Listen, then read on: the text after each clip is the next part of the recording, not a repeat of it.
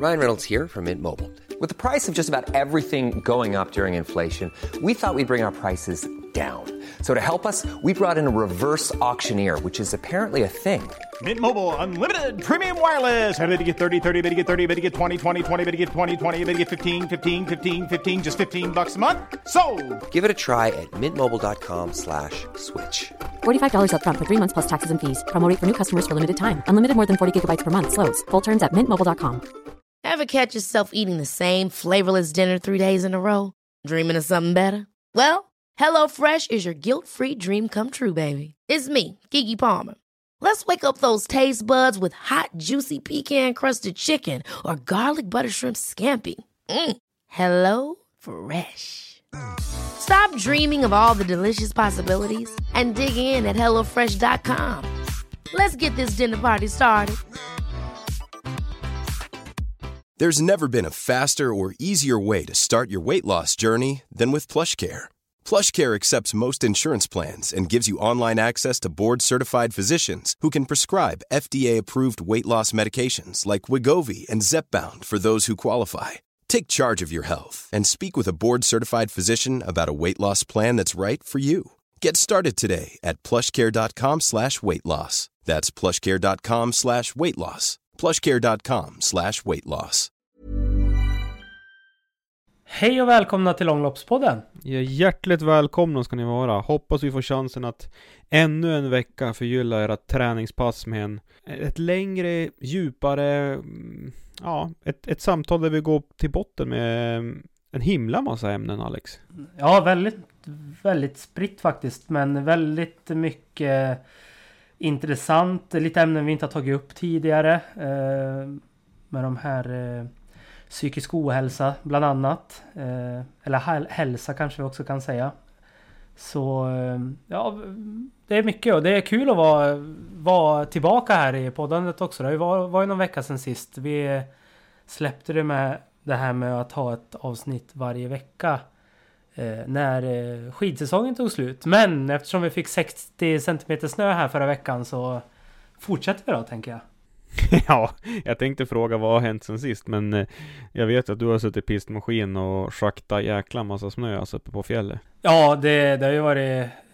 Ja, jag, jag pratar med sådana som har bott här, vissa hela livet. Eh, gamla människor också. Och, och de har aldrig varit med om en så här stor snödump. Och speciellt inte i april. Så eh, det är sjukt. Vi, jag åkte igår, eh, typ januari, februari före. Så... Ja, jag har ju hört att du var ute tidigare idag också va? Ja. Nu är det... Vilken dag är det Max? Ja, det- det... är tisdag. Tisdag den 2 maj, ja men det stämmer. Jag var ute och körde 11 kilometer på lunchen och det är ju... Alltså det är ju inte en antydan till... Det här vet ju du såklart som kör så mycket, men det här är ju inte en antydan till genomslag någonstans än. Och eh, det är ju utlovat minusgrader på nätterna. Eh, jag ska inte säga att det var kallföre riktigt idag, men det var nysnöföre så det gick lite halvkärvt. eh, så, men ja, otroligt häftigt och Ja, vi pratade ju en del med, med veckans gäst om, om snöförhållandena innan vi drog igång här och de eh, berättade ju att hon hade klippt gräset här för några dagar sedan. Så att, ehm, ja, det är ju länge kvar tills vi får klippa gräset kan man säga. Ja, det är det verkligen. Men eh, det, det är ju... Ja, nu är fem grader här ute. Det är ju mulet idag då, men eh, fem grader mot väggen. Så det är några plusgrader. Så eh, ja, det, det är väl inte någonting om jag får åka skidor ett tag till, men sommar hade också varit kul. Så Ja, men jag kände, jag kände det igår när jag gick och la mig faktiskt att, ja men Jag skulle vilja ta fram cyklarna nu och det känns inte säkert att göra det än faktiskt. Så jag, är lite sugen på att eh, men dra någon repa med på med landsvägscykel och sådär, köra lite grann. Men, eh, nej, man får nog vänta ett tag till faktiskt. Det är nog bara att ställa in sig på det. ja. Men vad, vad ska vi prata om eh, det här avsnittet då? Eh, ska vi kanske säga det nu då? Så... Eh, Ja, men vi har ju träffat eh, Jeanette Malm, eh, en utav DP Onlys eh, kvinnliga åkare.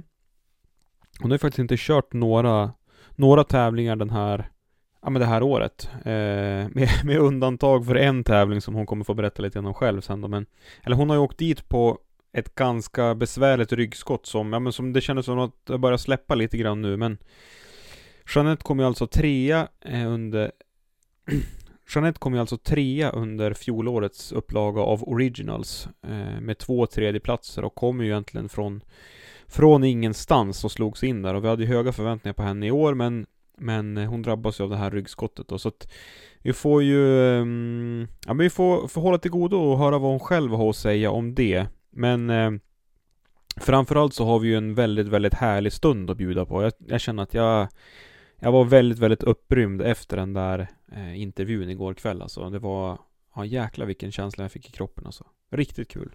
Ja, det började ju snackas om att du skulle satsa ganska hårt på skidor och du fick en uh, riktig tilltändning där när vi pratade om att börja satsa sent på uh, en sport och sådär. Men... Uh... Ja, men alltså det känns som att Alltså vi får ju höra själv om, om, om Jeanettes resa alldeles strax, men det känns som att ingenting är omöjligt. Jag fick liksom den känslan med mig och alltså Ja, nu, gäller, nu ska jag försöka hitta ett mål här med min skidåkning och jag, jag behöver någonting att, att sträva efter. Så att, ja men det ska bli jättespännande. Jag, jag är super, super taggad på det. Ja men det låter kul. Då, då har vi något att kämpa för tillsammans. Kan vi köra Vasan i vinter och försöka göra det bra. Ja, verkligen, verkligen. Jag har ju en liten till sån där önskan som slog mig nu på lunchen också att Tänk om man skulle kunna köra längdskidor på snö en gång varje månad det här året. Undrar hur man skulle göra då? Ja, du ringde ju mig och sa det där och jag, jag kanske svarade med en suck främst. För jag fattade att det här kommer vi få jobba för. Eh, det beror på hur bra vi vill göra det. Vi har ju snö ganska länge i vissa svackor och sådär uppe på fjället här. Det är om vi ser det som ett längdpass. Man springer upp dit och tar skidorna på ryggen. Men Annars är det väl eh, Gällö eller Torsby som du nämnde när vi pratade. Som man får åka till. Mm.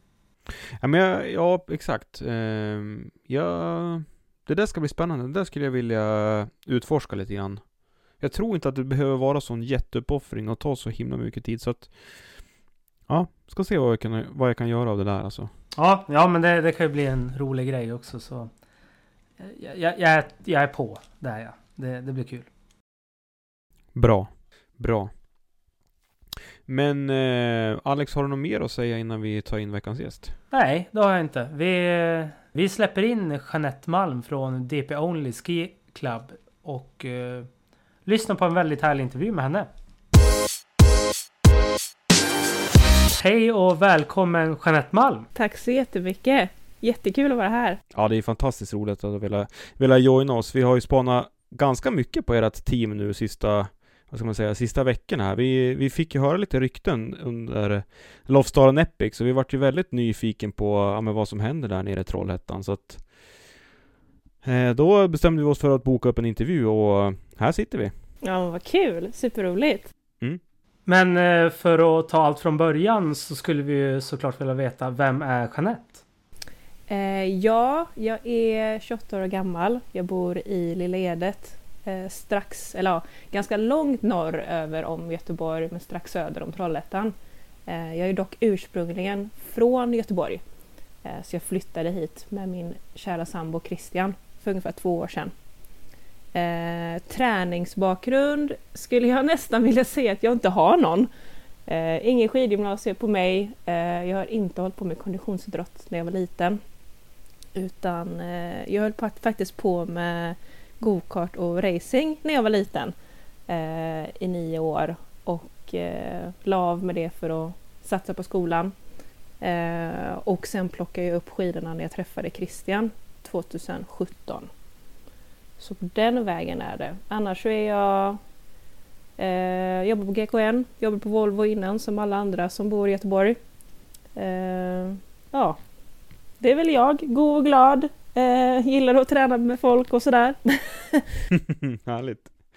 Men du, hur, alltså vilken intressant bakgrund. Det, det där, vi har, ju, alltså, vi har ju nästan inte haft någon som har gått skidgymvägen Alex. Nej, det är väldigt få. Det är ju Joel, Andreas. Ja, grabbarna kanske har vi haft med. Ja. Ja, just det. Ja, och Hedda. Ja, ja, men där var det väldigt blandat. Vilket är jättekul att eh, det går att ta sig in från alla håll. Ja, i och för sig. Det, ja. Mm.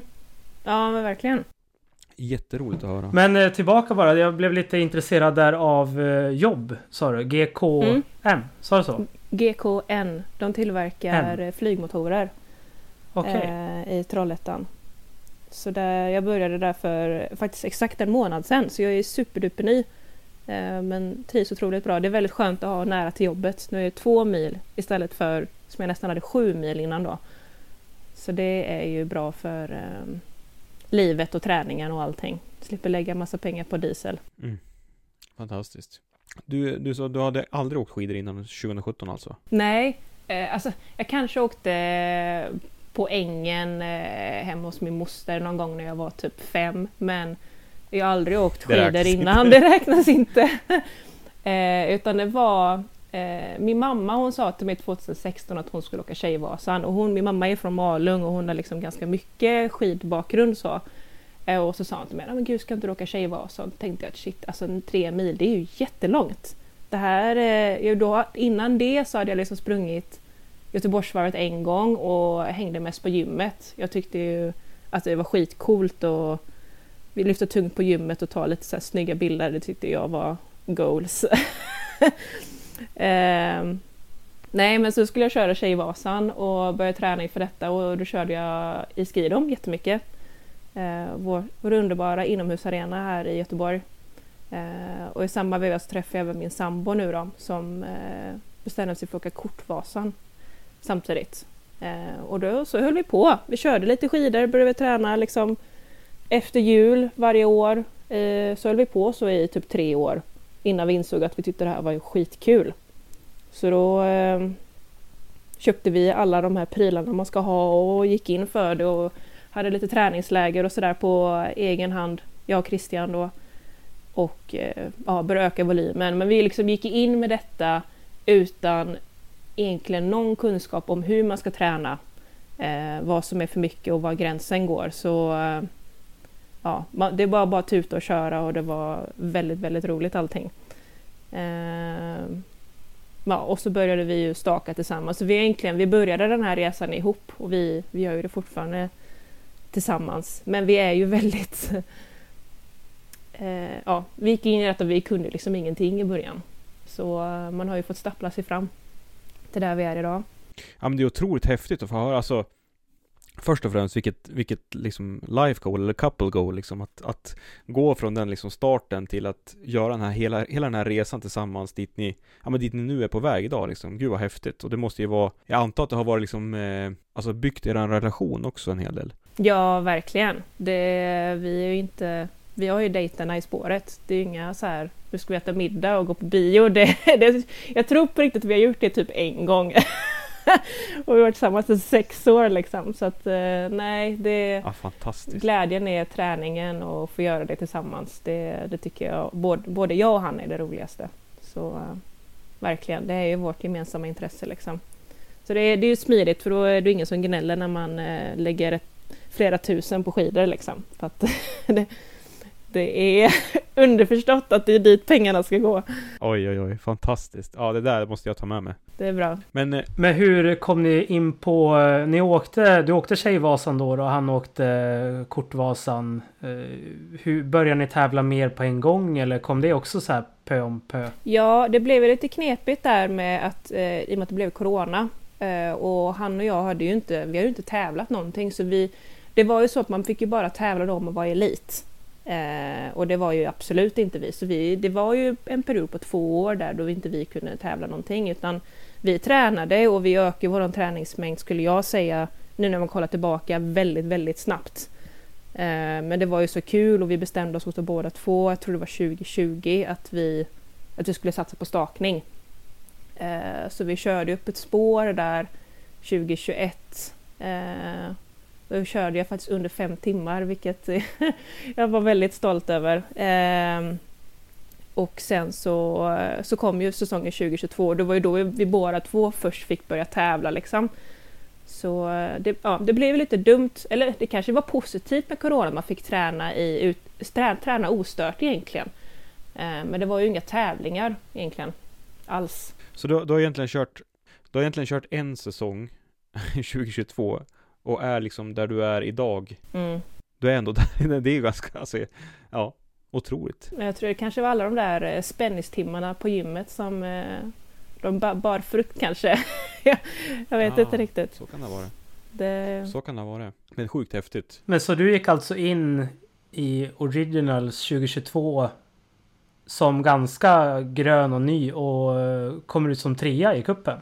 Ja, Ja, det är Det, det, det, är helt, eh, jag vet, det är helt, eh, ja, alltså när jag körde Craft så vi hade planerat länge att vi skulle köra det för vi var där en hel, jag tror vi firade, vi firade nyår till och med i eh, Dalarna och så var vi ju där en hel vecka innan Craft då, och så tänkte vi att vi ska köra den tävlingen, det är ju Sveriges största sidningslopp liksom. Men vi hade inga planer på att köra kuppen eller någonting utan då Ja, jag stod där supergrön och bara nu ska vi köra, nu ska jag köra mitt första riktiga race.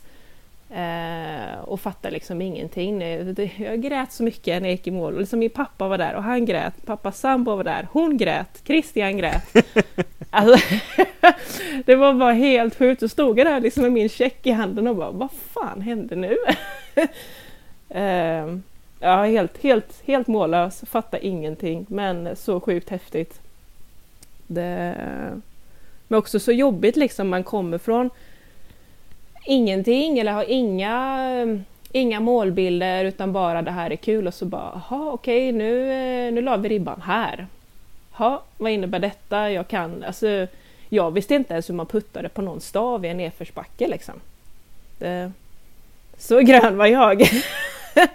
Men ja, otroligt häftigt att du är så, liksom så öppen med det. Men vilken otroligt brant utvecklingskurva du måste ha haft. ja, det, det, verk, det, det verkar så.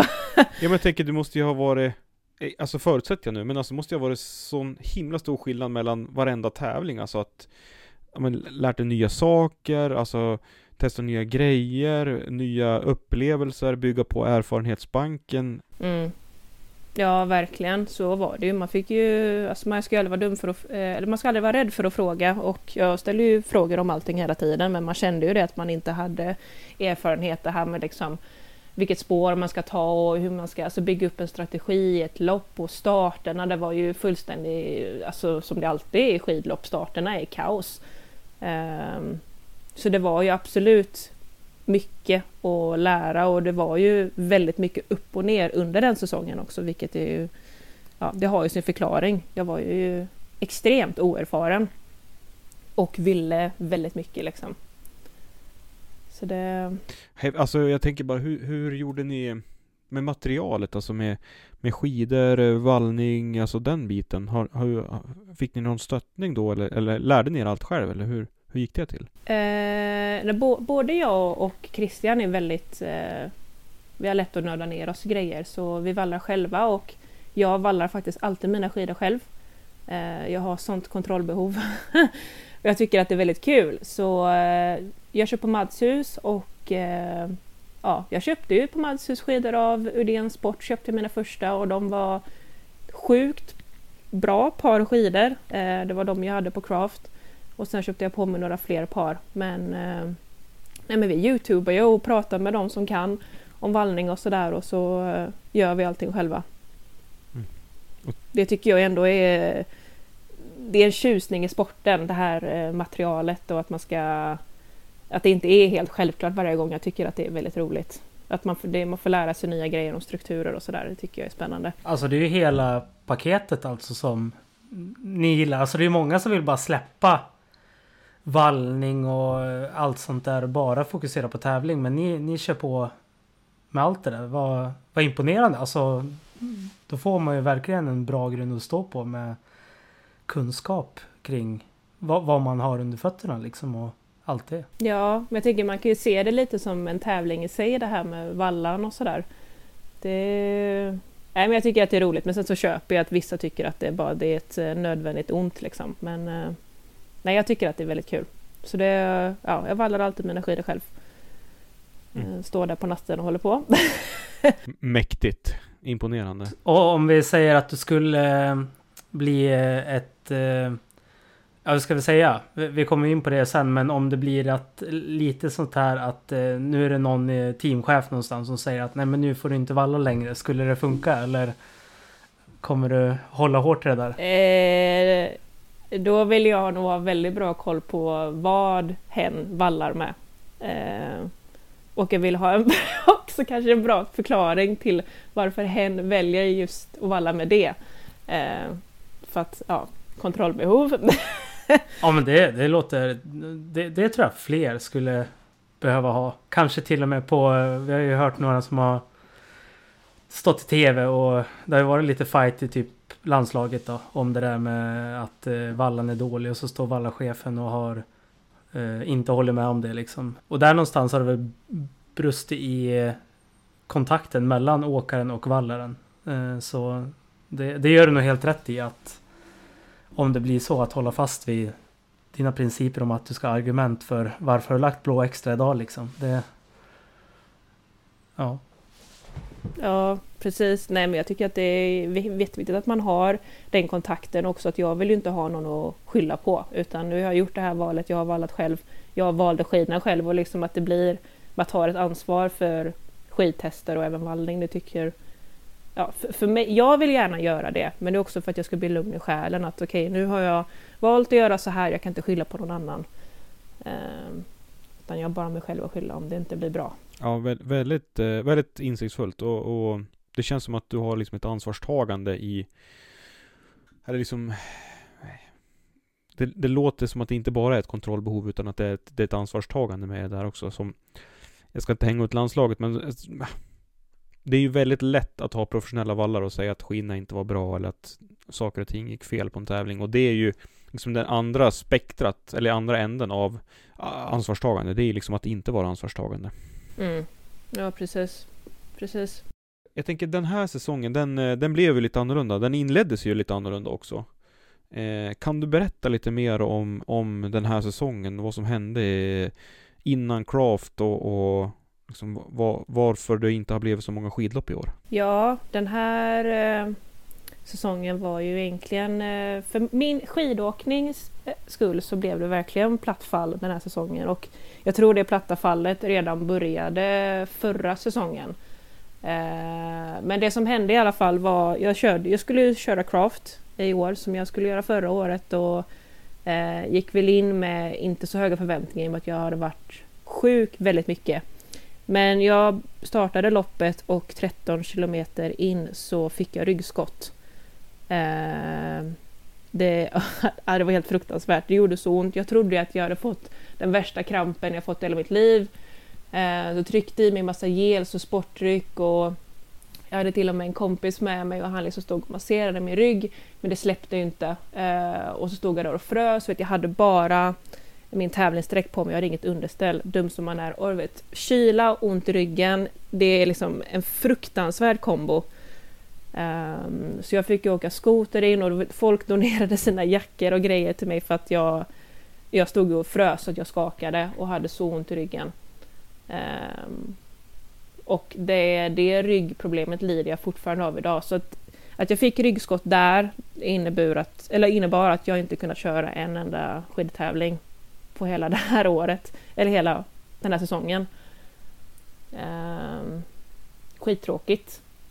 Men så var det. Har du haft eh, problem eller besvär med ryggen tidigare? Nej, nej, absolut inte. Det är nog bara att, nu är vi åter här igen till min eh, okunskap inom träning generellt. Eh, jag stretchar väldigt, väldigt sällan. Jag gör inga rörlighetsövningar utan jag är liksom pang på rödbetan. Tränar alldeles för hårt många gånger och nu... Jag har aldrig haft problem med skador innan. Men de kommer ju nu. Nu har jag ändå hållit på ett par år och tränat eh, väldigt många timmar. Så nu sitter jag med mina problem som, som många andra också råkar ut för. Jag tror ju absolut inte... Det, ja, det var lite spännande när jag frågade i klubben då om det var någon som kunde ge mig tips om just ryggskott, vad jag ska göra nu, finns det övningar jag kan göra? Och jag fick liksom typ tio stycken som skrev till mig. Eh, stakning, och, stakning och ryggproblem är ju illa förknippat dessvärre det är ju inte ovanligt att man får ryggproblem när man håller på och stakar så som vi gör. Men eh, då fick du nog bra rehabtips och så av dem eller har du gått till någon läkare också? Ja, jag har varit hos läkare för att checka så inte det var diskbråck. Jag har varit hos naprapat och en fysio. Ehm, Men det handlar ju egentligen bara om att stretcha och göra mycket rörelseghetsövningar. Ehm, det är ju egentligen det det handlar om. Att inte belasta ryggen för mycket. Men då har du Alltså har du kunnat åka någon skid? Eller jag har ju sett du har åkt lite skidor i år. Men har, det, har du kunnat trappa upp träningen efter det här? Eller hur har du hur har du gjort under säsongen? Eh, jag har mer eller mindre inte stakat någonting under hela säsongen. Eh, utan jag har bara kört skate. Eh, så jag har ju fortfarande kunnat träna på hyfsat som jag har velat. Men eh, då har jag ju ja, egentligen uteslutande skatat. Eh, stakat vid några få tillfällen men absolut inte mycket. Ehm, som ändå kunnat njuta av snön men eh, inte så som jag har velat kanske. Men jag tycker, för jag tycker det är jätteintressant. Eh, vi har ju, vi har ju haft eh, väldigt, väldigt mycket om man ser inom traditionell längdskidåkning och, och, och, även inom långlopp, långlopp också så har vi ju en historia i Sverige utav ryggbesvär. I motsats till det, det, du säger så finns det faktiskt de som har haft problem med ryggen men som säger att nej, men stakningen har gått lite bättre. Jag har känt mig tryggare i stakningen eller i stakningen så har jag inte haft de besvär med ryggen. Det har ju säkert varit andra bekymmer men jag tänker att det Det måste nog vara liksom, det finns nog flera Vad ska man säga, flera perspektiv, flera olika Den är väldigt individuellt tänker jag på Ja Vad som passar en och vad man kan köra och vad man inte kan. Ja, ja det, det är det ju säkert absolut. Det, jag har också hört att det, det finns ju båda sidor där också, att det är mycket diskussioner kring att vi har en begränsning på hur långa stavarna får vara och skulle vi inte haft det så hade vi inte haft lika mycket ryggproblem. Alltså, eh, man kan ju se det åt alla olika håll, men som, de som håller på med löpning har ju också problem med ryggen. Så att jag,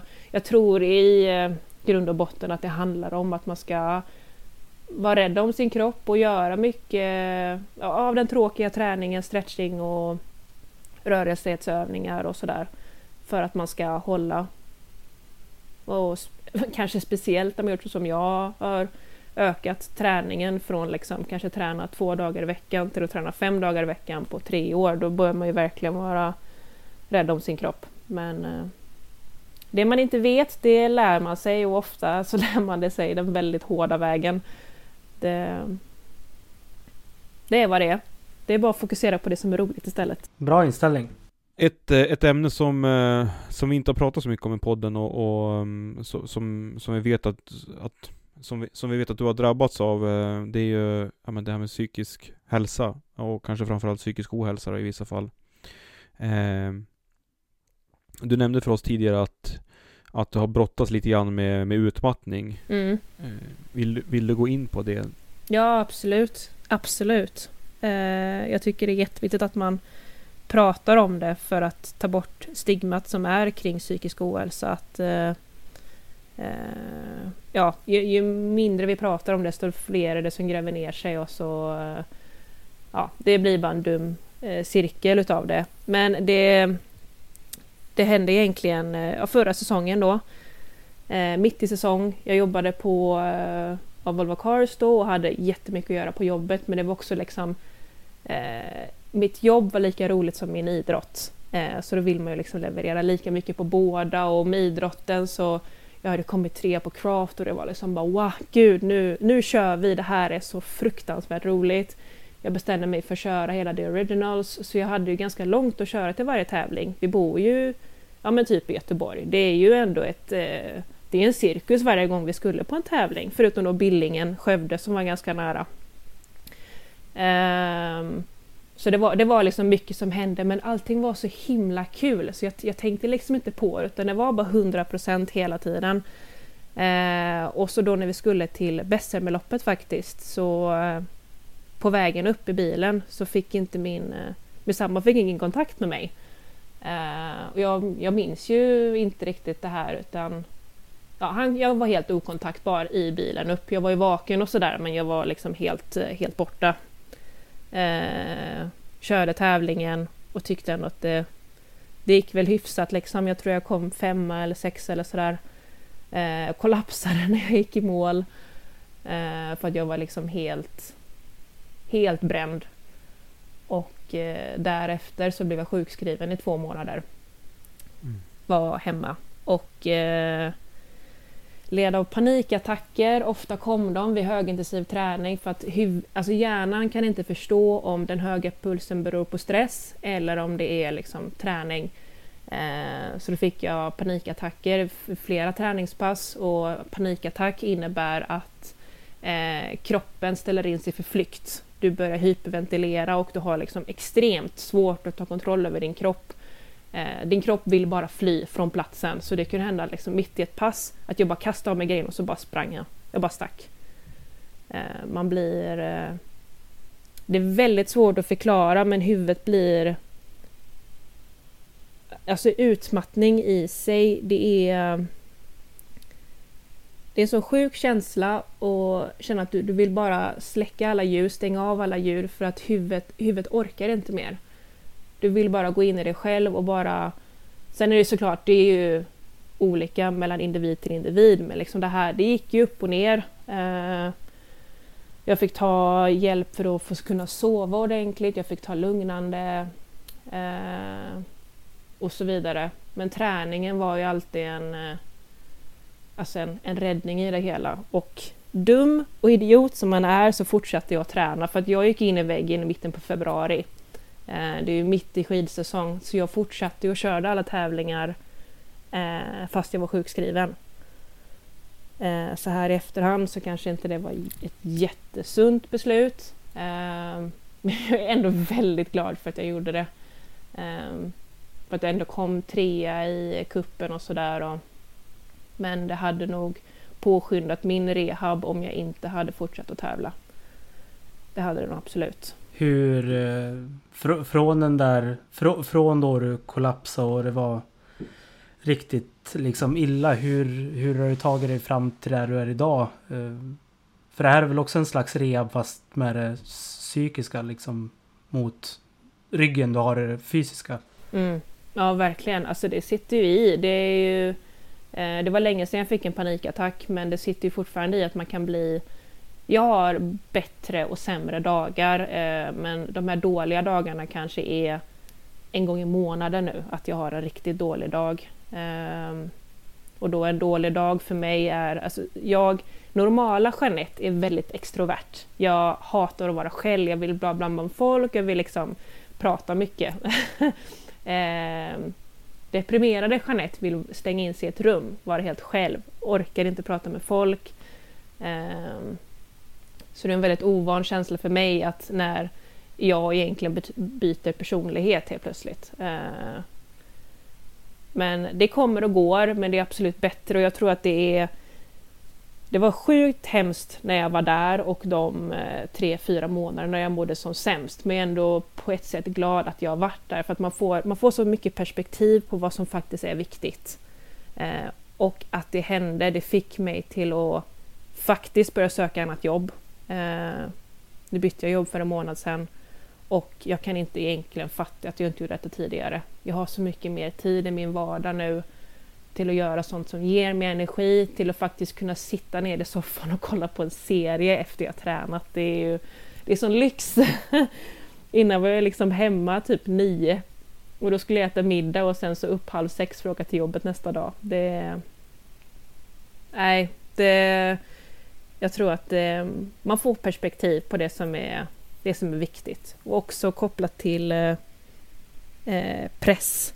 Att eh, alltså, vinner jag inte imorgon så gör inte det någonting för jag ska hålla på med det här jättelänge.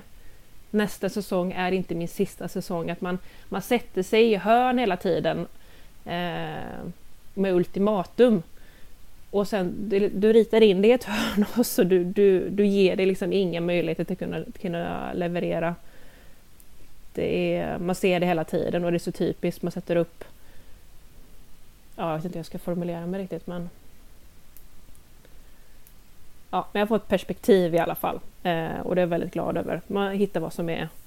Var, varför gör vi detta? Varför håller vi på med den här idrotten? Vad är det som ger mig energi i den här idrotten? Eh, ja, och det är mycket av den energin jag hittat i den här idrotten har jag hittat via DP Only nu då. Eh, klubben som jag varit med och fått starta upp. Det har ju egentligen räddat, det har ju inte gjort någonting att jag har haft ryggskott den här säsongen för det har varit så himla kul med DP Only. Eh, så det gäller bara att hitta vad som är kul, vad som ger en energi. Du, du verkar vara extremt duktig på det här att hitta jag tänker bara från det här att du var Från att inte kunna någonting om skidor så har du liksom Tagit dig an det med en jäkligt bra inställning och det känns som att Rakt igenom och det här med din psykiska ohälsa att Du, du har haft en väldigt Vad ska man säga, sund syn på det eller ut Alltså att du alltid vill hitta något positivt. Det I det, eller utveckling liksom. Det det, det känns jäkligt seriöst liksom att du vill vill ta det någonstans. Inte bara i skidspår utan som människa. Ja, men alltså det är jätteviktigt att man inte gräver ner sig och jag tror att det är också väldigt lätt att göra det. Att bara se negativt på allting utan eh, man, man lär sig av sina misstag eh, eh, i allt. Och sen tror jag att det är det är ju lite, inte på tapeten så kanske man inte ska säga, men alltså det är ju mer, fler och fler personer pratar om psykisk ohälsa, vilket jag tycker är väldigt bra. Men då får man också en relation till det, att det blir okej, okay, den här personen har också varit med om detta. Hur kan, hur kan jag relatera till det här som den personen har varit med om? Och, eh, det är lätt att måla fan på väggen att eh, nu är jag sjuk och det är, så, det är så dåligt och det är så tråkigt utan att försöka, nu ska vi ta oss ur detta och vad, jag, vad kan jag lära mig av det här istället? Eh, samma med mitt ryggont, eller mitt ryggskott som jag har nu. Eh, det har varit skittråkigt att jag inte kunnat staka och det har jag varit jätteledsen över. Men nu har jag ju fått lära mig att okej, okay, det träningsupplägget jag har haft, jag har inte gjort någon, eh, någon rörelseövning, jag har inte stretchat, okej okay, då måste jag få in det i den träningen jag gör idag. Behöver jag variera min träning lite mer? Ja, kanske. Behöver, kanske cykla mer, kanske mer simning eller vad som helst. Eh, och på det sättet så blir ju jag, jag blir ju förhoppningsvis klokare. Eh, kan man i alla fall hoppas. så då kanske jag kan bli en ännu bättre skidåkare. Eh, få, få bättre förhållningssätt till min prestation, min träning. Eh, Otroligt insiktsfullt. Ibland så. jag känner igen mig i nästan exakt allt du säger. Eh, när jag var 25 så hamnade jag precis i det läget som du, du var i med stressigt på jobbet, långt till jobbet, Eh, vill hinna med mycket. Jag satsar lite grann halvt om halvt på springa långlopp. Eh, exakt samma symptom liksom med eh, förlorad sömn, panikattacker. Eh, alltså det, det är anledningen till att vi köpte den här stugan som vi sitter i nu. Så att jag behövde ett andningshål och ändra saker i livet. Ja men vad skönt att du ändå gjorde, alltså, tog, gick till aktion att göra någonting åt detta istället för att bara köra i samma hjul hela tiden. Ja men exakt och det känns som att det känns som att du har gjort precis likadan och är väldigt medveten om alltså psykisk ohälsa det är, vad ska man säga, det är samtidigt ett ett begrepp som börjar bli, det är jättebra att vi pratar om det men, men man måste också liksom om man utgår från begreppet psykisk ohälsa så är det ju egentligen en, en dipp i mitt mentala tillstånd, alltså min mentala, min mentala hälsa. Eh, en ganska djup dipp och den kan ju pågå om en kort stund och den kan ju pågå väldigt, väldigt lång, en väldigt, väldigt lång period. Eh, men att inse, precis som du har gjort, att ja, men jag äger förmågan att ta mig ur det här läget och, och förbättra det läget. Det är ju det är, det är en nyckel till, till liksom att ta, ta, ta sig ur det. Men det är ju inte speciellt lätt när man är i den där svackan. När man har de där attackerna och man känner själv att nej, men det är nog mig det är fel på. Det är jag som gör fel. Eller här är jag som inte lyckas. Eh, här räcker inte jag till.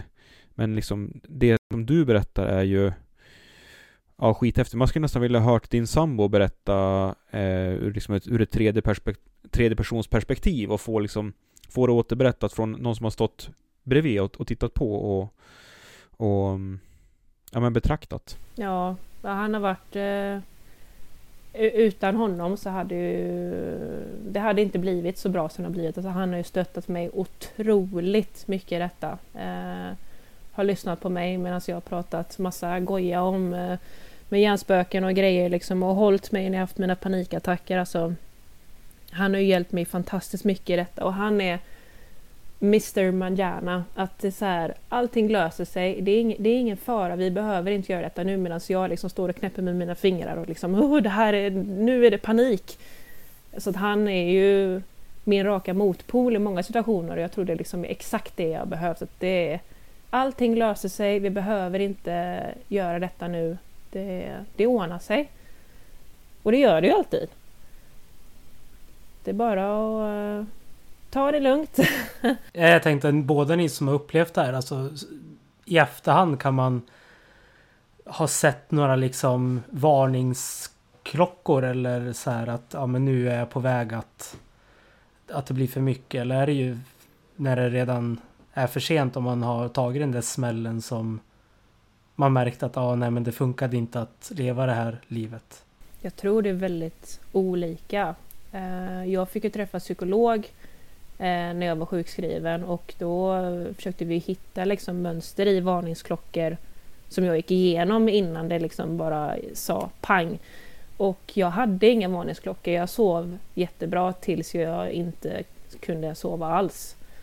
Eh, dessvärre, utan det är mer att veta vilken stressnivå kan jag ligga på.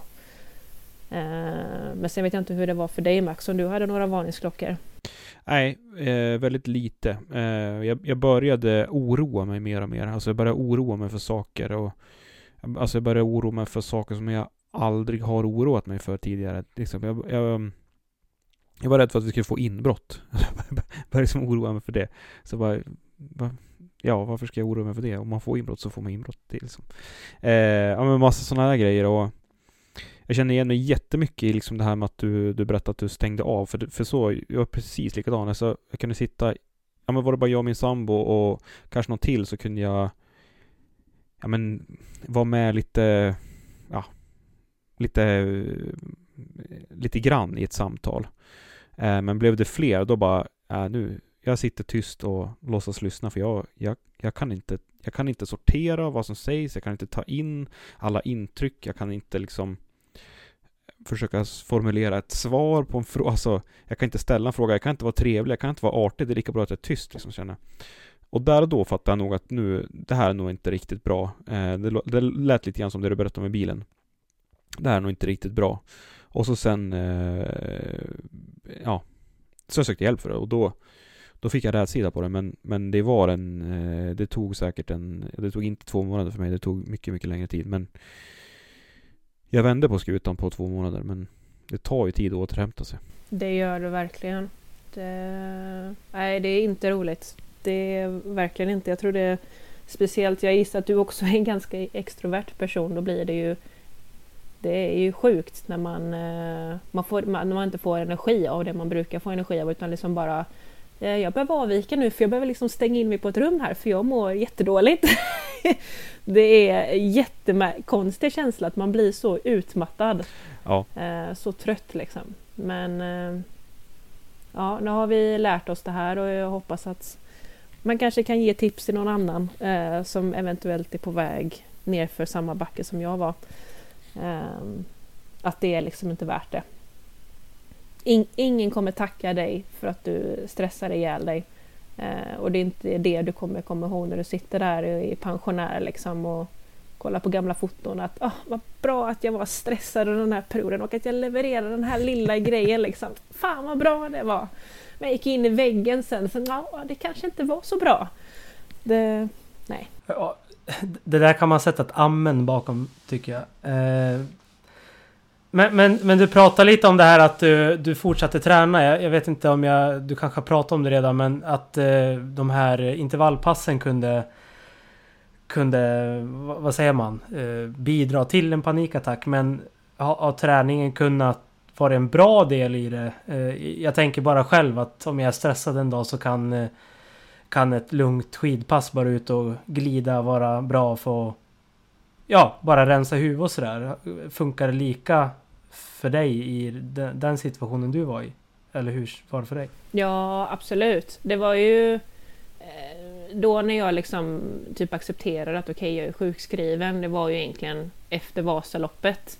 Eh, så då var jag ju sjukskriven och jag var ju ensam hemma och och jag fick rekommendationer att inte träna högintensivt just för att kroppen ska få lugna ner sig och att jag får panikattacker. Och det är inte så, det, det är inte så kul att få en panikattack när man är själv. Ehm, så då tänkte jag att då drar jag ut på eh, långpass. Så jag åkte rullskidor nästan varje dag och åkte liksom Ja, alltså allt mellan fyra och sju mil eh, egentligen varje dag och stannade och köpte en glass och bara, bara tog det lugnt. Ehm, så då försökte jag bygga upp en, eh, en bra botten att stå på. Liksom I samband med detta så gick ju också Nils van Poel ut med sin, eh, sin filosofi. Så jag bara, men gud, jag kan göra en light-version av hans då. Det passar jättebra nu när jag är sjukskriven. Så kör jag bara mycket A1 nu.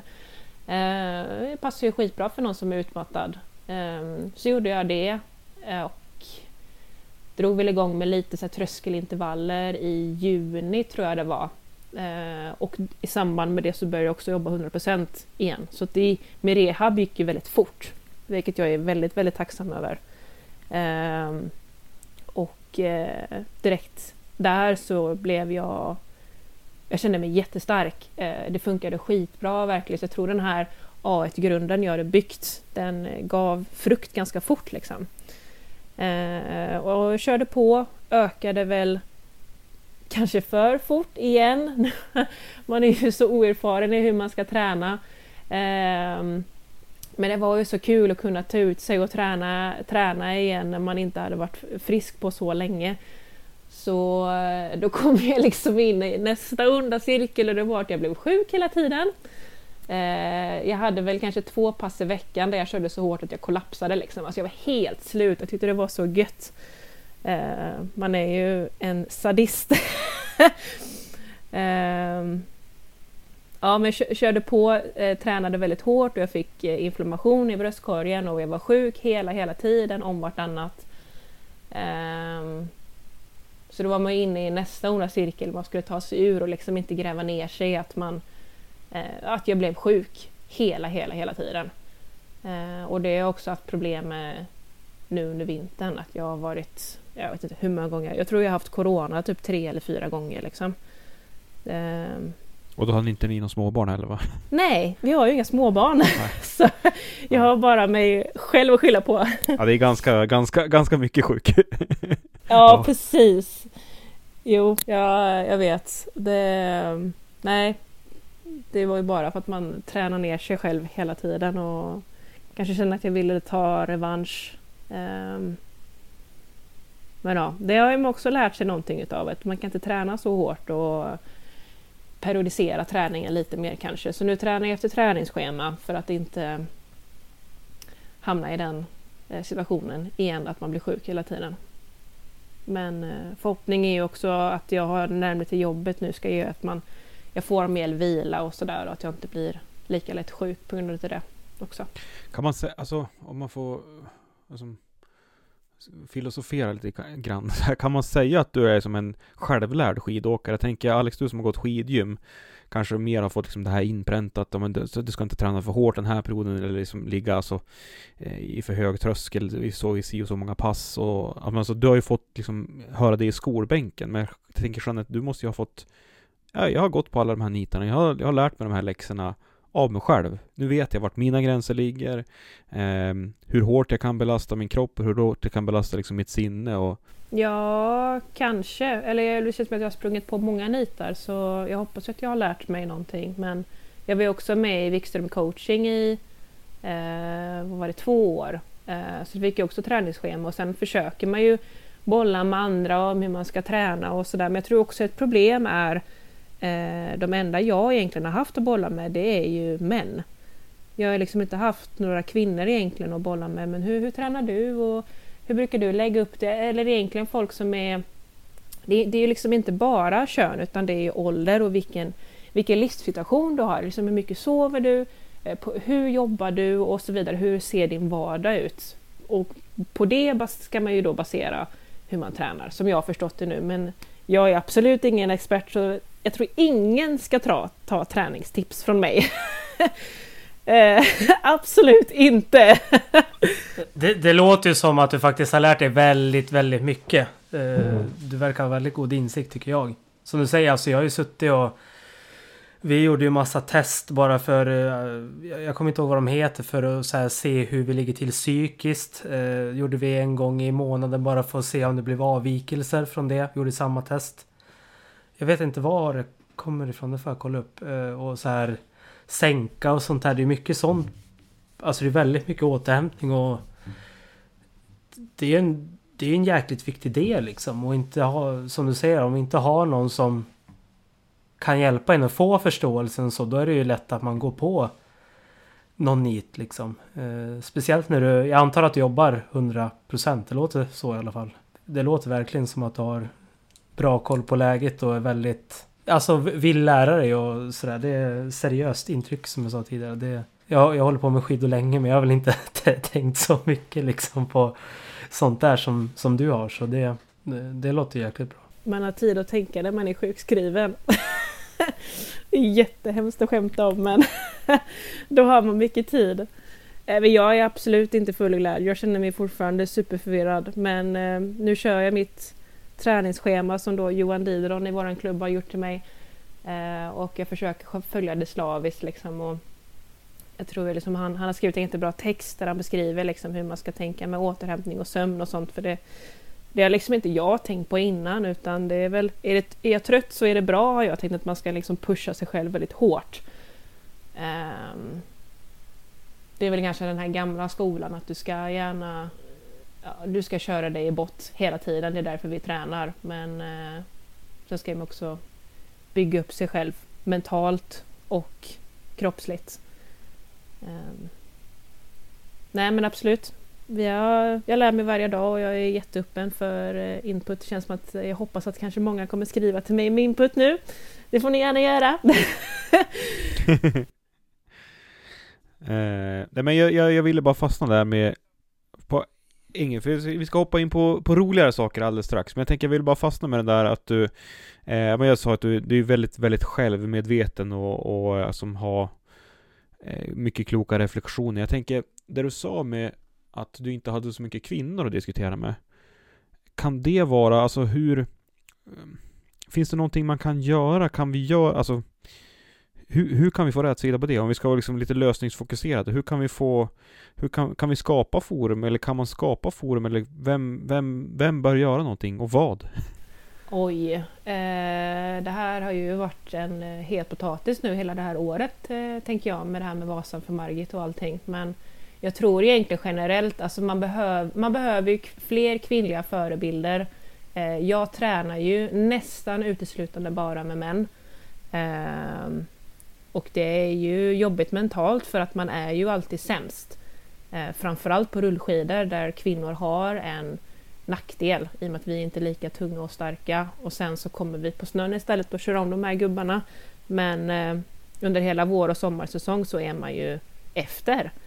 Och det är ju skitjobbigt mentalt. Och också att man liksom försöker apa efter de här männen i allt de gör och deras filosofi kring, kring egentligen allting. Eh, vilket jag tror inte är helt rätt. Men sen som sagt, jag, jag kan ingenting. Så eh, jag vet inte hur man ska tänka och jag hade faktiskt en intervju med eh, Britta Johansson Norgren Eh, och då försökte jag ta upp detta, hur hon tycker att eh, kvinnor ska tänka i och med att man gärna liksom jämför sig väldigt mycket med män. Men hon sa i princip att man, man inte ska jämföra sig, men liksom inga konkreta grejer på vad man ska tänka på. Men jag tror i alla fall att man som kvinna inte ska göra exakt likadant som männen. Men det vi behöver är fler kvinnliga utövare och i Göteborg så är det inte många, vi är väldigt många skidå, eh, skidåkare i Göteborg men det är inte så många som är kvinnor eh, som tränar och satsar. Men vi blir absolut fler eh, och med det så får vi också mer kunskap om hur vi ska träna. Eh, jag tycker också det är intressant, jag vill gärna lära mig mer om det, hur man ska träna kring allt det här med menscykeln och så vidare för den har, tror jag, väldigt stor påverkan. Eh, men jag har ingen aning om hur jag ska ta hänsyn till det. Också för att det är, ingen, det är ingen som pratar om det. Nej, det är ett till stigma. Men jag tror det blir bättre, men vi behöver fler kvinnliga förebilder och gärna Fan, det hade varit kul om Britta också skrev exakt som Nils har gjort. Nils van der Poel och la ut hela sitt träningsschema. Det hade varit, det hade varit coolt. så kan vi tjejer apa efter. Alltså jag, så, jag såg på, på er, jag var in på er, er klubbs eh, hemsida. Och jag såg att ni, ni gjorde ju en, hade ju en väldigt konkret åtgärd med, med rabatterade medlemskap för, för kvinnor. Mm. Vi hade till och med gratis där i början för att få in tjejer. Och nu är vi 16 stycken tjejer. Eh, 70 medlemmar totalt. Så ja, det är väl... Det är absolut inte godkänt, men vi ska ju vara hälften hälften. Men det är svårt. I, det, I princip så som vi har gjort är att jag har ju eh, slidat in i tjejers DMs och så har jag raggat över dem till klubben. Det är typ så vi har gjort. Mer eller mindre. Jag springer runt och raggar tjejer Eh, också liksom tjejer som håller på med andra idrotter som kanske tycker att det är kul att börja med skidor så har eh, vi försökt att hjälpa dem in i det. Vi har till exempel flera triatleter från Stockholm som är med som är blivit jätteduktiga skidåkare för de är ju så vansinnigt starka. Eh, så ja, vi, nu har man eh, halva priset hos oss eh, som tjej. Ehm, för att vi, vi vill få fler tjejer in och då, kan in, då måste tröskeln vara låg. Också som kvinna så tror jag det är viktigt att eh, det finns andra kvinnor i sällskapet. Eh, jag vet inte om det har med trygghet att göra, men alltså hade inte jag haft min sambo så hade nog inte jag gått med i de här sammanhangen heller. Alltså ensam kvinna in i ett väldigt mansdominerat sammanhang. Men nu går jag ju dit med min sambo, så då har jag ju min trygghet. Men för att andra kvinnor ska komma till våra evenemang så måste ju till exempel jag vara där. Eh, och jag förstår det, men vi jobbar på det och försöker få fler aktiva tjejer. Det, men alla, alla måste göra lite. Eh, ingen kan göra allt. Men om vi, jag tänker när du ändå pratar om det, hur var, eh, varför ska tjejerna gå med i klubb? Så får du pitcha lite nu om det är någon som lyssnar här är lite sugen på att gå med. Ja, eh, jag tycker att man som tjej ska gå med i DP Only för att vi har eh, en otrolig gemenskap. Alltså, hela vår klubb bygger egentligen på att det inte är en sån här traditionell eh, klubb som funnits i 200 år, utan vår klubb fungerar mer som ett team. Eh, vi lär oss av varandra, vi bygger varandra tillsammans, vi har mycket teknikträningar eh, och att vi, vi gläds åt varandras framgång, inte att det är liksom så här interna gnabb och tävlingar hela tiden utan vi... Ja, det är, det är verkligen en teamkänsla. Eh, och vi har ju en del tjejer som är med nu, jag vill att det ska bli fler. Och det blir ju... Ju, ju närmare 50-50 man kommer desto härligare mix blir det ju. Eh, men redan nu tycker jag att vi har en otrolig stämning och att jag hoppas att alla känner sig inkluderade i allt vi gör. Eh, för det är väldigt, väldigt viktigt för mig att alla känner att man får vara med på allt och eh, ja, att man känner sig inkluderad i alla sammanhang där vi, där vi träffas inom klubben. Så eh, jag tycker absolut att man som tjej ska gå med i DP Only. Det är bara att skriva DM till mig så, eh, så löser vi någonting. Men eh, om du, jag tänker vi fortsätter lite där på eh, DP Only Ski Club. Hur, eh, hur bildades klubben? Och, för den är ganska ny. Ja, precis. Vi har inte ens funnit ett år än. Ehm, det var... Eller så här. Eh, Johan Didron, han är ju från Göteborg. Det är han som är grundaren av klubben. Och eh, efter faktiskt Lofsdalen Epic så satt han där tillsammans med mig och Christian och vi alla var ju rejält berusade efter den här fina banketten som ni anordnar.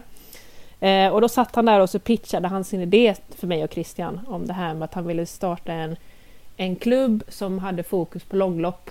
Eh, för att han och vi tyckte att det saknades i Göteborg utan att ofta så är det att resurserna går till så många olika sporter. Det är orientering, det är barnträningar, det är löpning och så vidare.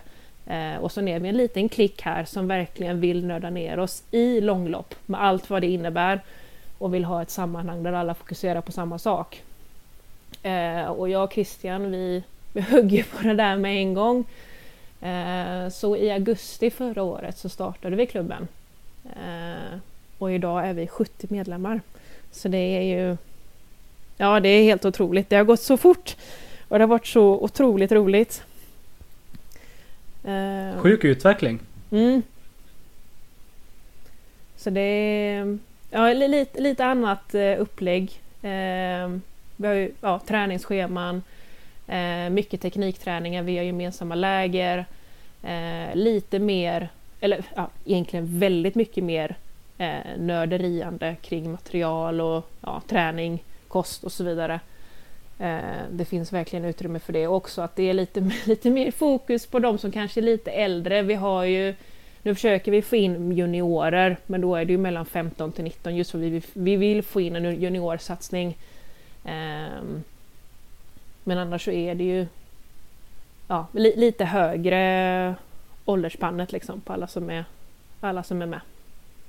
Och det är häftigt när man är i en grupp där alla vill, alla vill samma sak. Det är, det är sjukt häftigt, alla har samma intresse liksom. Ja, det, är- det är en jäkla känsla att vara så många likasinnade. Men alltså, vi, vi sa tidigare att ni hade en, en brant eh, utvecklingskurva, men, men den har ju liksom inte avstannat nu. Det känns som att den det är på väg att accelerera iväg igen.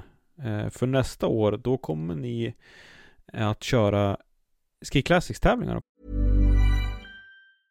Hej, jag Ryan Reynolds. På Mint Mobile, we like to do the opposite of what Big Wireless does. They charge you a lot, we charge you a little. So naturally, when they announced they'd be raising their prices due to inflation, we decided to deflate our prices due to not hating you.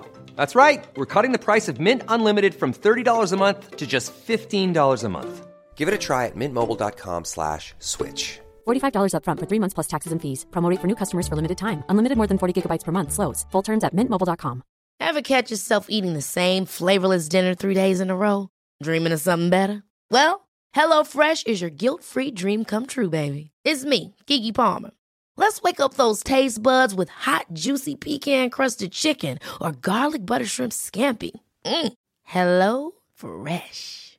Stop dreaming of all the delicious possibilities and dig in at HelloFresh.com. Let's get this dinner party started.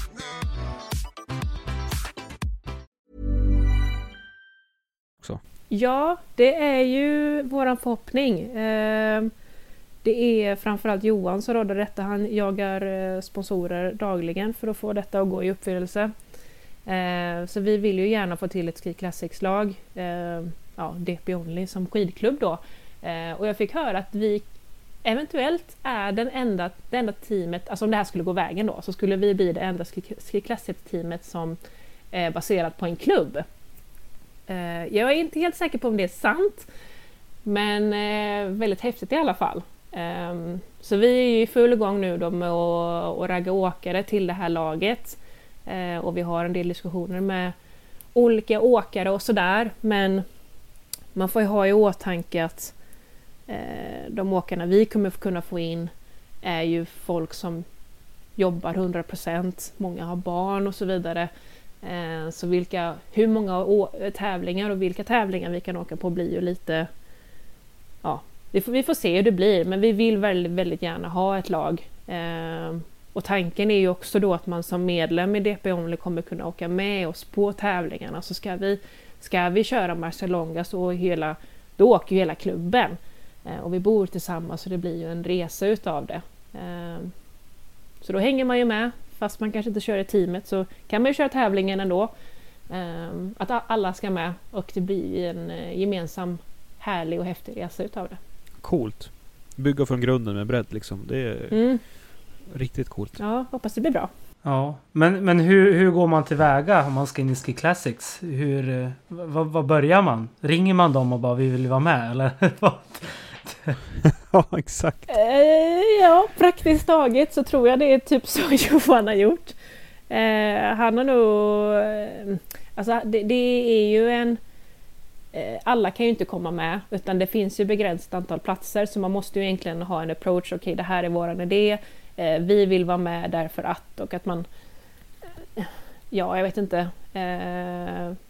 Är annorlunda på något vis. Det ska, ju, det ska ju vara bra TV också tänker jag. Nu kanske inte just vårt team kommer synas så mycket i TV men eh, det är ju en, eh, inte, jag vet inte om man kallar det för kvalrunda för att komma med men det är ju en viss procedur i alla fall. Du ska ju betala de här pengarna också men eh, och sen måste du ha åkare, du måste ju ha minst två tjejer till exempel.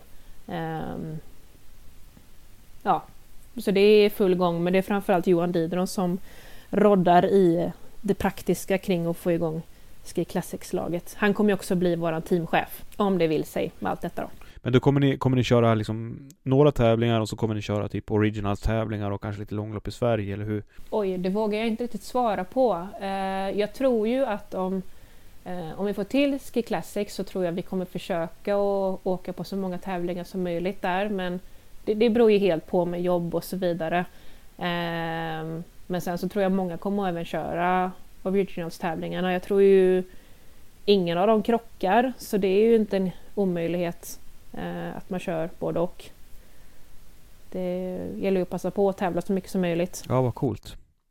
Ja men det, det känns som en, eh, en, en häftig utmaning och, och vi får väl säga, all, eller önska all lycka till Alex va? Ja, det, det gör vi och eh, hoppas det går vägen allt det här och ja, det verkar ju vara lite jag, jag satt här och googlade lite hur det funkar med bara en vanlig klubbövergång liksom nu men ja, det, det är lite att stå i men eh, för jag vet att det är så här datum jag skulle byta klubb för men det Ja, lycka till och hoppas det går vägen. Det varit jättekul att se eh, DP Only i Ski Classics. Ja, det tycker jag också. Det, det hade varit skithäftigt, så jag hoppas att det går vägen. Men jag har en fråga kopplat till din, din egen liksom eh, framtida satsning. Eh, om vi ser bort ifrån teamet. Hur, eh, för du berättade att rehaben har gått bra, och att du, men att du fortfarande har, eh, vad ska man säga, att du känner av eller har men av det här ryggskottet och, och, och förra årets Craft Ski Marathon. Men hur, hur, vad är din plan för nästa år? Hur, hur långt har du kommit i rehaben och är du färdig för liksom köra lite rullskidtävlingar i sommar? Eller hur, hur känner du dig? Nej, jag blev rekommenderad av min fysio nu att faktiskt inte staka på i alla fall en månad nu. Eh, så nu fokuserar jag på att enbart cykla och köra styrka.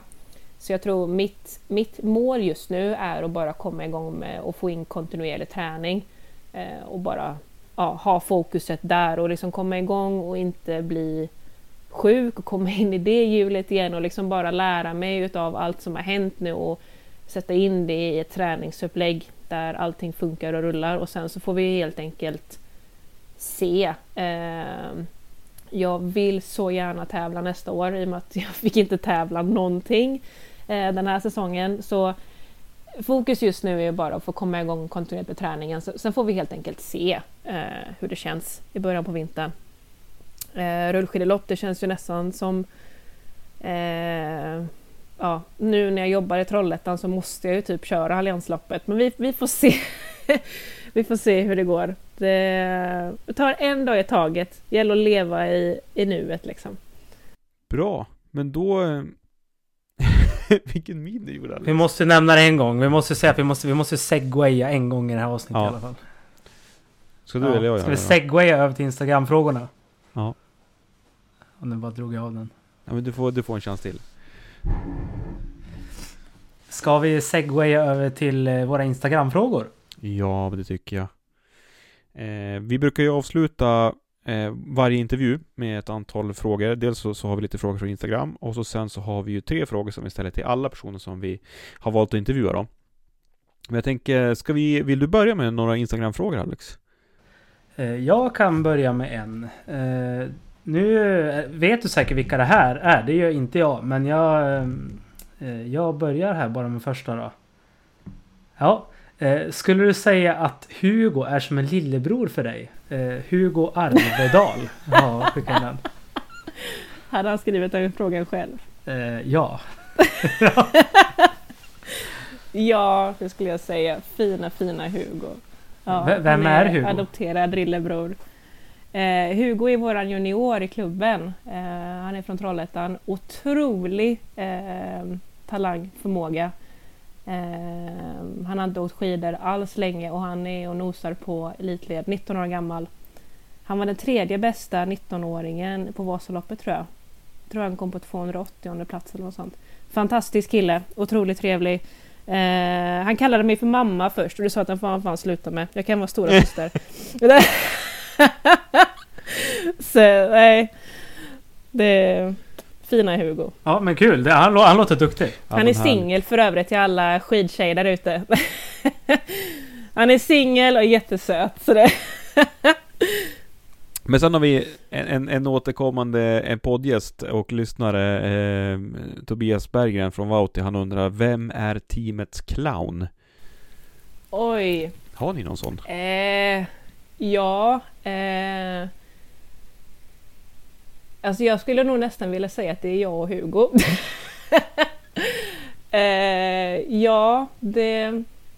Jag kan ta på mig den hatten från stund till stund. Jag har inget problem att dansa och vara allmänt knäpp. jag skulle säga att det är jag och Hugo. Det är den duon. Vi är nog knäppisarna. De riktiga knäppisarna ja. i klubben. Det behövs sånt. Lätta, lätta upp stämningen lite. Ja, gud, det är jätteviktigt. Jätte, jätteviktigt. Ja. Vi kör nästa då. Eh, tränar du mycket som ungdom? Frågar Ville Roth. Eh, nej, det gjorde jag inte. Eh, som jag berättade innan så höll jag på med go-kart och bilracing. Eh, och det är ingen konditionsidrott. Du får ganska starka biceps men eh, inte så mycket där till efter. Sen så när jag flyttade hemifrån så började jag gymma en hel del men det var ju så att jag tränade två till tre dagar i veckan, sprang Göteborgsvarvet en gång. Så jag skulle inte säga att jag har eh, någon träningsbakgrund och därmed att jag är väldigt förvirrad i allt jag gör och eh, springer på alla minor. Men eh, så nej, det har jag inte stark biceps från gymmet. det är den jag vilar på. Ja, bra med stora bickar när man kör längd. Ja, exakt. vi har ju en fråga som, eh, som vi har fått från väldigt många. Oj. Som, som, du, säkert har, som du säkert vet vilken det är. Eh, men vi har, vi, har, vi har några, bland annat din sambo har ställt den här frågan hur, eh, hur öppet spår gick för, för dig när du körde det. Vilket år var det? Eh, I år. Det var i år? Eh. ja, nu, för... ja det, det, blir lite storytime nu då. ja, för vi, vi fick till och med en fråga om, om, um, om öppet spår inte rent utav var ett bromsspår. ja, efter jag har åkt, då menar den personen säkert. Eh, så här. Um, jag körde ju skate eh, upp ett spår för det, jag skater ju bara hela vintern så jag bara, men det, det, får jag ju, det får jag ju köra. Eh, och så, som lite så här revansch, vi skate och försöka få en bra tid. Eh, jag kan ju bara säga innan jag drar igång min lilla storytelling här nu att om man äter någonting så bör man nog sluta med det. Eh, men i alla fall, eh, vi hade varit där en hel vecka innan, innan eh, vi skulle köra, eller ja, ett par dagar i alla fall. Och jag hade haft så ont i magen. Eh, jag hade PMS och liksom mådde allmänt ganska dåligt. Men vi var ändå så taggade på att få köra upp ett spår. Det skulle bli så fint väder. Det var ju fantastiskt verkligen. Eh, och mådde illa väldigt tidigt i loppet och det, liksom, det gick inte över och det blir att man liksom inte dricker någonting för att man mår lite halvkast. Liksom.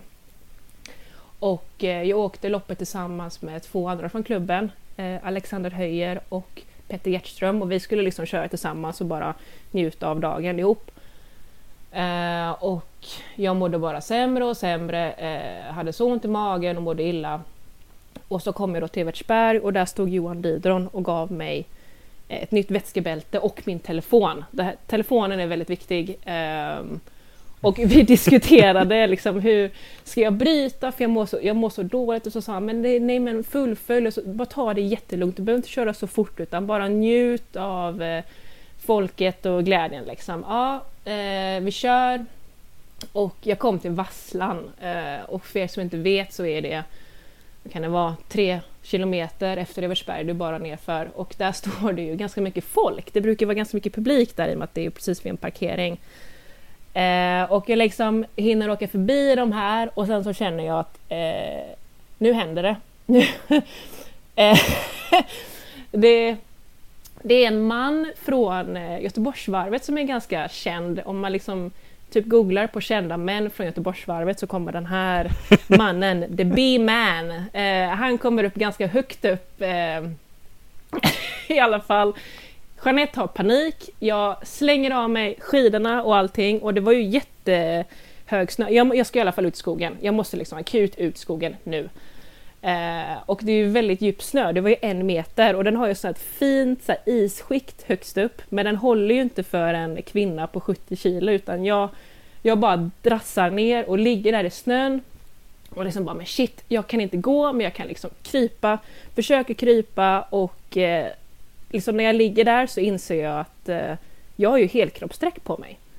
Eh, och nummerlapp. Och vätskebälte. Och liksom så här, alltså jag, jag behöver liksom få med kläderna om, om typ 10 sekunder eller någonting, annars så, eh, annars så händer det. Och du vet, då var, det, var det som att kroppen bara, den bara ger upp. Där och då, jag ligger där i snön och bara, nu, nu släpper vi på alla cylindrar och bara det här, det här händer inte, det här händer inte. Jag börjar krypa längre in i skogen, du vet, gräver en liten grop sätter mig och bara nu, det här det löser vi, försöker vara positiv. Börjar klä av mig och så tittar jag ut och bara Alltså jag, jag har typ krypit så fem meter in i skogen typ. Och det är ju bara tallar från överallt. Då, ja, från spåret. Och det är ju bara tallar överallt. Det är ju inga grenar. Och jag sitter där fullt synlig för alla skidåkare och bara Fan vad nice det här är! Alltså gud! Och du vet såhär, jag hade sån panik. Oh, och det är såhär, vad gör man? Jag jag börjar ju bara skratta. Jag sitter där och asskrattar. Ja. Det, det, här, det här bara är så sjukt. Eh, och liksom, som tur var så fick jag min telefon av Johan. Eh, så jag ringer Johan, berättar för honom vad som har hänt. Och han, jag tänkte ju mig så att nu kommer han bara börja asskratta och bara jag kommer inte åka och hämta dig typ. Eh, men han är liksom dead serious och det han, han kommer och hämtar mig. Eh, och liksom kommer dit och så är han ju helt så här tafatt, vet, jättenervös. Bara, Vad fan gör jag? Och så säger jag till honom att du, du får ju ge mig dina kläder. Det, det, det är bara liksom, ta av dig dina kläder. så han tar av sig, jag får hans kläder. Och, och liksom han börjar ta mina skidor och så går vi bort. Så tur var så körde han min bil. Det hade varit värre annars. Eh, så vi hoppar in i min bil och så åker vi iväg. Så liksom, ja, Johan kom och räddade mig. Och du vet, alltså tänk om jag inte hade haft min telefon. Vad fan hade jag gjort då? Jag, jag hade fått gå ner till dem som står oh, där i inte var det vid Vasslan. Ja, och bara, alltså, ursäkta mig, är det någon som skulle kunna hjälpa mig? alltså, vad fan ringer man 112 eller vad, vad gör man? oh. det var så sjukt. Det var så sjukt. Alltså... oh, ja, det är fantastiskt att du bjuder på den här. Ja, men det är klart. Alltså det, här, det är en snorsport det, och sånt här händer. Det, jag hoppas ja. att jag inte är den, eh, den enda eller den första. Och om, om det här har hänt någon annan så tänk på mig. Det, ja. Det, det har det absolut gjort, men, men eh, jag tror ingen... Eh, du är en av de första som, som berättar det på, på det här sättet i alla fall och det är jättetack. Men det kanske säger mer om mig än. Nej men jag tror att alltså, det är helt rätt resonerat alltså, det är bara, det är bara att skratta åt det här. Ja, det som, alltså herregud. Ja, det, just nu händer det här. Ja, alltså kroppen är som den är. Det, magen funkar inte alla gånger. Så eh, jag är bara oerhört Nej. tacksam över att det faktiskt fanns någon som kunde komma och hämta mig. Fy fan vad jobbigt det hade varit annars. Um, mm. Ja, så det var upp ett spår. Oh, mm. Jag kom ja, inte i mål var... den gången heller. nästan lite taskigt ställd fråga, men det, ja, det var samtidigt kul att vi fick Ja, jag var nästan väntad att jag skulle få den, så det, det är helt okej. Okay. Jag bjuder på den. Det... Ja, jättebra. ja, vi, vi tackar för skratten. ja. Vi får göra Vasa stories, eller Vasa shit stories kan vi börja ja. med. Får vi fram alla andras. Fan vad eh, roligt. vad, vad, vad, som har hänt längs spåren genom åren. Ja, liksom. alltså det, den, ja, ändå det, den, ja, det är ändå den bästa humorn skulle jag ändå säga. Det är väldigt låg nivå men det är ju så roligt. Det... ja, ja. Mm. Den här, den här platsar i en annan podd. Jag brukar lyssna på Kafferepen och skickar in lite historier. Du får uh, skicka in den där så. kanske, kanske Nissa Hallberg och de uh, tar upp den om du känner för det. Ja, jag tror jag DP Only kommer bli känd för väldigt fel saker tror jag. Ska man det kanske är en öppning för lite nya sponsorer. Ja, just det. Ja, nej, fy fan. Vad skulle det vara? Typ så här toalettpappers så här, särla eller? Ja men just det, men Edet, Fan, eh, de är ju här i Ed. ledet ju. Edet tork. ja. ja. Så här, så här, såna här, det här får vi ha. Al- Alex, det här måste vi bjuda på off-season alltså. Ja, ja, fan det här det är ju bara skitkul att vi får, oj, aha, att vi får höra det här. Ja. Lite annat än bara, bara skidorna och tävlingarna. Lite, men sånt här är ju till, hända så är det ju. Också. Ja. Men, eh, ja. Äh, jag måste ta mig samman. Eh, vi har ju tre stycken halvseriösa frågor i alla fall som vi brukar avsluta intervjuerna med. Mm. Eh, här har vi, håller vi på benchmark, eller vad ska man säga att vi håller på Vi håller egentligen på att bena i vem som har bäst smak, eller vilken smak som ska passa oss. Oj. Mm. Eh, och vi, Alex håller på att eh, förbereda ett, ett gällavsnitt. Mm. Eh, men vi kommer till den frågan sen. För den första frågan som vi brukar ställa till alla som vi pratar med, det är vad man helst har i drickabältet. Mhm. Den är lätt. Eh, Den är lätt. Pure Nutrition Ehm, Black Current heter den. Det är, ja, det är Pure, det är ju ett företag som ligger här i Alingsås, ganska nära Göteborg. Som, eh, ja de gör otroligt god sportdryck. Så den eh, Black Current, jag kommer på, inte på vad det heter på svenska. Svartvinbär. Den smakar verkligen saft. Eh, jättelätt att dricka. Eller den är ganska, kanske svår att dricka om man inte gillar sött. Men eh, jämfört med Enervit till exempel som jag har druckit väldigt mycket av. Jag får lite, den är lite, jag har lite svårt med den efter ett tag. Men den här eh, Pure Nutrition Black Currant, den är jättegod. Supergod. Och den är ganska billig också Kul! förhållandevis. Den var ny! Mm. Den är god. Ja, aldrig hört Mm. talas om men den, eh, den får vi testa. Mm, det tycker jag. Eh, Verkligen. Får, vi se då vad du har eh, för svar på andra frågan här om det är eh, något vi inte har hört där också. Då är det vilken eh, är din favoritsmak på gel? Eh, Enervit Lemon. Mm. Mm. En klassiker. Klassiker. Det, jag vågar inte mixtra så mycket med just gels. Så den brukar jag köra. Den är god. Den gör det den ska. Ja, Men den sista frågan då. Det är, vem skulle du vilja höra oss intervjua i podden? Oh! Eh, gud, det här kanske jag skulle ha tänkt lite på innan. Eh, jo, jag hade nog velat höra en, eh, en podd med Carolina Hedenström. Hon har ju gjort en eh, jäkla brant utvecklingskurva. Så det, henne skulle jag vilja höra lite tankar och idéer från. Det hade varit kul. Mm. Är det något speciellt du tänker på? Jag är väldigt intresserad av att veta hur hon, eh, hur hon tränar. Eh, det har varit väldigt spännande egentligen. För jag vet att hon, hon skater ju en del och hon verkar variera sin träning ganska mycket. Så det är men bara generellt hur hon tränar och vad hon tror det är som har gjort att hon har blivit så fruktansvärt bra den här säsongen. För hon har ju gjort en ganska brant utvecklingskurva. Hon är ju ganska ung fortfarande. Hon är väl bara är hon 19, 20. Eh, men det är intressant att höra vad, vad hon tror att det beror på och sådär. Jätteintressant. Mm. Ja, men det, det låter spännande. Mm. Det ska vi försöka få in. Vi har, nu måste vi ta tag i den här väntelistan Max. Det, det är många önskningar men vi har inte Ja, tagit nu har någon vi, än, vi har byggt på oss en backlog nu till- som, eh, ja, som heter duga kan man säga. Det är bra, då har vi att göra. Nej men vi, vi lovar ju faktiskt inte någonstans att vi ska intervjua någon heller utan Vad fan. Men det var jätteintressant, eh, jätteintressant namn. Vi har ju inte haft någon från, ja vi har ju haft eh, Maja och eh, Adrian har vi pratat med. Eh, från lag 157s ungdomsteam. Och båda det. de två är ju, är ju jättekloka och, och supertrevliga. Så det, var ju, det har ju varit jätte, jättekul. Ehm, mm. Nej men bra tips. Jeanette, skulle du vilja tillägga någonting innan vi börjar runda av det här eh, avsnittet? Eh, ja, jag skulle vilja först och främst tacka våran eh, sponsor vi har i klubben, eh, Assessic, eh, som har sponsrat oss både inför den här säsongen och även förra säsongen.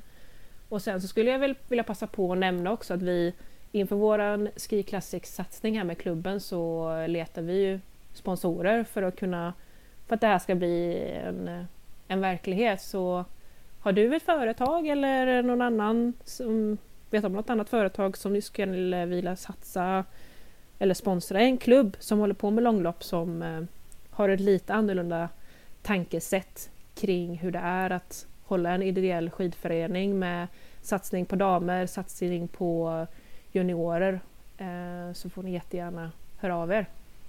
Det tycker jag man ska göra. Mm. Ja men det uppmanar vi alla lyssnare till. Precis. Ja verkligen. Verkligen. Vi vill ju bredda det här nu. Bra, men eh, med de orden så kanske vi avslutar för idag Alex. Det tycker jag låter bra Max. Och stort tack för att du har varit Ja. med oss här idag Jeanette. Ja, tusen tack för att jag fick vara med. Och lycka till i framtiden. Tack så jätte- jättemycket.